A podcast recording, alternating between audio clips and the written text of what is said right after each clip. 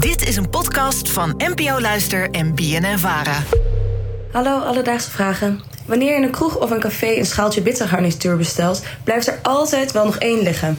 Waarom durft nooit iemand de laatste te pakken? Alledaagse Vragen. NPO Luister. Suus uit Gamsbergen, dank je wel voor je vraag. Ik ben Lisa Hoekstra, redacteur van Alledaagse Vragen. En ik zit hier samen met David Breedbaard van De Marker. Hallo David. Hey Lisa, wat leuk dat we naast elkaar zitten Nou, nu. gezellig hè? Ja. Dat is ook voor het eerst. Ja. Maar wat voor type ben jij? Eh, want we hebben nu een heerlijke vrijdagvraag. Ben jij het type, ik laat die laatste bitterbal liggen of jij pakt hem gewoon? Ik denk dat ik hem wel pak. Ja, ik eet geen vlees, maar die vega bitterbal, het maakt niet uit of het de eerste of de laatste is. Ik pak hem gewoon. Gewoon zonder schaamte, jij denkt deze is voor mij. Ja, iemand moet het doen. Ja, je hebt helemaal gelijk. Ja. Ik zelf doe het niet echt. Maar het hangt wel een beetje van de situatie af. Ik moet zeggen, als ik bij mijn vriendinnen ben, dan kan ik wel echt wel denken van jongens, zoek het lekker uit. Deze is voor mij. maar op werk of zo, dan zou ik toch soms denken van hmm, Ja, daar moet je je gewoon overheen zetten, joh. ja, misschien heb je gelijk. Maar Ja. we gaan kijken, de vraag van Suus. Ik denk dat veel mensen het hebben, die twijfelen over die laatste.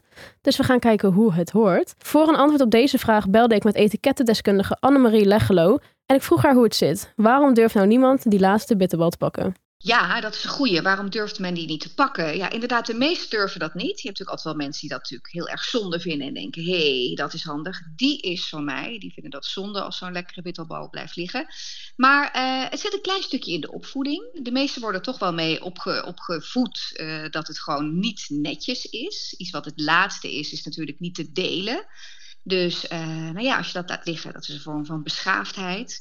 En eh, nou ja, da- daar zijn de meeste mensen zich in die, dat opzicht van bewust en laten het daarom liggen. Ja, eigenlijk een beetje een tweede natuur geworden. Nou, ik snap nu wel wat ze zegt, maar ik heb gewoon op een gegeven moment dat ik dan zie van oké, hij blijft nu wel heel lang liggen, dus nu wordt hij ook koud en dan pak ik hem. Jij vindt het gewoon zielig voor die laatste Ik vind bitterbal. het zielig voor de laatste Je hebt bitterbal, gewoon ja. medelijden. Je denkt, ik moet deze gewoon van zijn... eh, Ik doe het voor het groepsbelang, die laatste.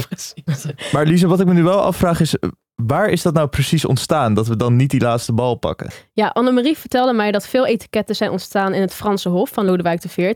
Dat was in de 18e eeuw. Daar zijn veel tafelmanieren ontstaan. En hoogwaarschijnlijk ook deze over dat laatste hapje of die laatste bitterbal.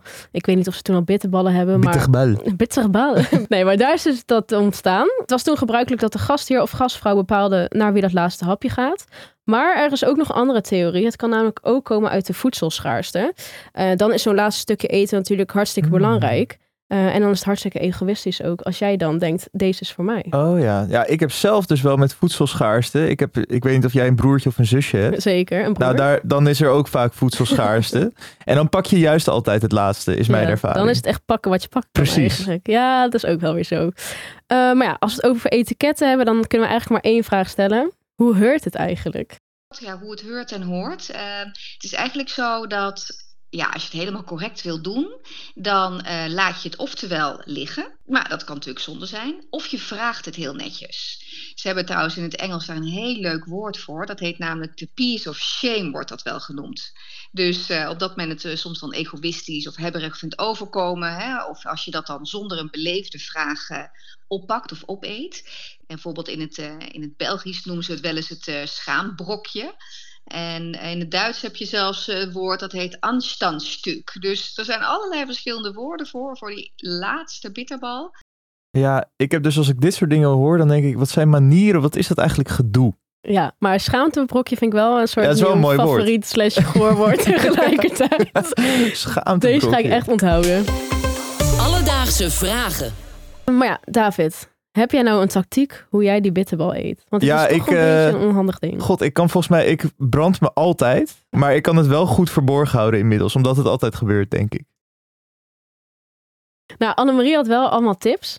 En ik denk dat we er een paar wel al weten. Allereerst hoor je een bitterbal gewoon met je hand te eten. Dus niet met zo'n prikketje, dat is gewoon onhandig. Je handen mogen best wel vies worden, zei ze. Het is niet de bedoeling dat je de hele bitterbal in je mond stopt. Want je wilt ook niet en nog moeten netwerken en zo'n bloedhete bal in je bek hebben.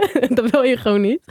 Ehm, dus als tip gaf zij, eet eerst het bovenkantje eraf. Laat de bitterbal even afkoelen in de hand. Maar eet hem daarna wel gelijk op. Anders loop je tijd met zo'n half aangevroten bitterbal. Dat wil je ook niet. Jezus. Dus eh, ja, er zijn helemaal manieren voor. En ik denk eentje die wij allebei wel weten.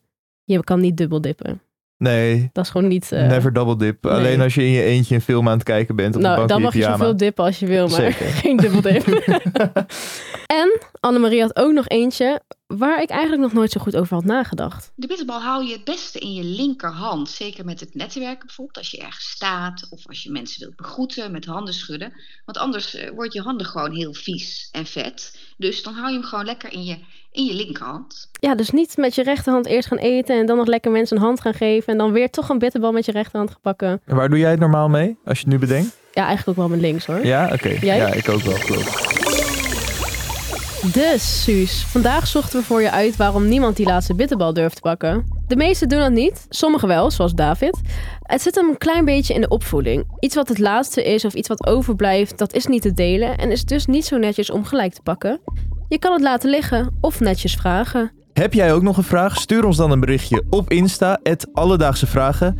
En je kan ons natuurlijk ook mailen naar alledaagsevragen.bnnvara.nl en dan zoeken wij het voor je uit. Alledaagse Vragen. NPO Luister. BNN Vara.